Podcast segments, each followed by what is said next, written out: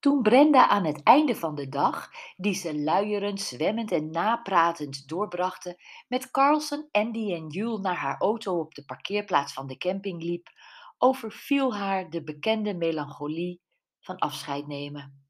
Het misselijkmakende gevoel begon in haar buik en kroop op tot in haar keel. En daar kneep het haar strot dicht en haar ogen vulden zich met tranen. Jules zag het en gaf haar vriendin een stevige arm. Niet huilen, lieverd, zei ze. We komen heel gauw weer. En jij gaat lekker weer naar Spanje voor je wellnessretraite. Ik weet het, zei Brenda met een klein stemmetje. Maar ik zal nooit kunnen wennen aan gedag zeggen. Het heeft te vaak de betekenis voor mij gehad van nooit meer zien. Altijd, vanaf mijn allereerste jaren, was afscheid definitief.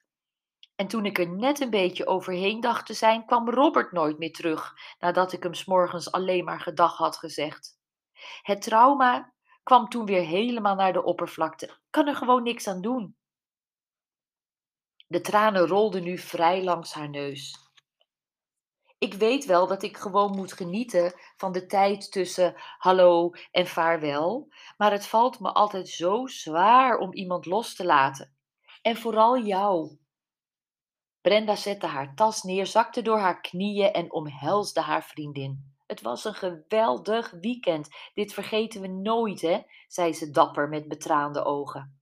Nooit. Jules kneep Brenda's middel bijna fijn. Ik hou je op de hoogte van de ontwikkelingen hier op Boslust. Nu David en Miranda en zijn ouders weg zijn, zal er niet veel meer gebeuren, maar ik houd alles in de gaten. Doe dat, alsjeblieft. Brenda gaf Andy een huk. Doe geen dingen die ik zou doen, grapte hij. Oh, Andy. Jules rolde haar ogen omhoog. Dat zou je wel willen. Brenda was blij met Andy's grapje. Het verlichtte haar zware hart. Dag lieverd. Ze liet Carlson in de achterbak springen en nam plaats achter haar stuur. De late middagzon scheen in haar ogen. Brenda zette haar zonnebril op en blies een laatste kushand naar haar vrienden. Ze reed weg en zag in haar achteruitkijkspiegel Andy en Jules met de armen om elkaar heen en zwaaiend of hun leven ervan afhing, steeds kleiner worden. Zo, samen uit, samen thuis, Carl. Brenda keek naar Carlson, die met zijn kop op zijn linker voorpoot wegdommelde op de cadans van de auto. En zoals het klokje thuis tikt, tikt het nergens. Allemaal clichés, maar oh, zo waar. Ze dacht aan Miranda, die met de brokstukken van haar huwelijk zat. Aan de achterbuurvrouw van Jules, die nergens weet van had. En aan Sylvia, de weduwe, die met lege handen stond.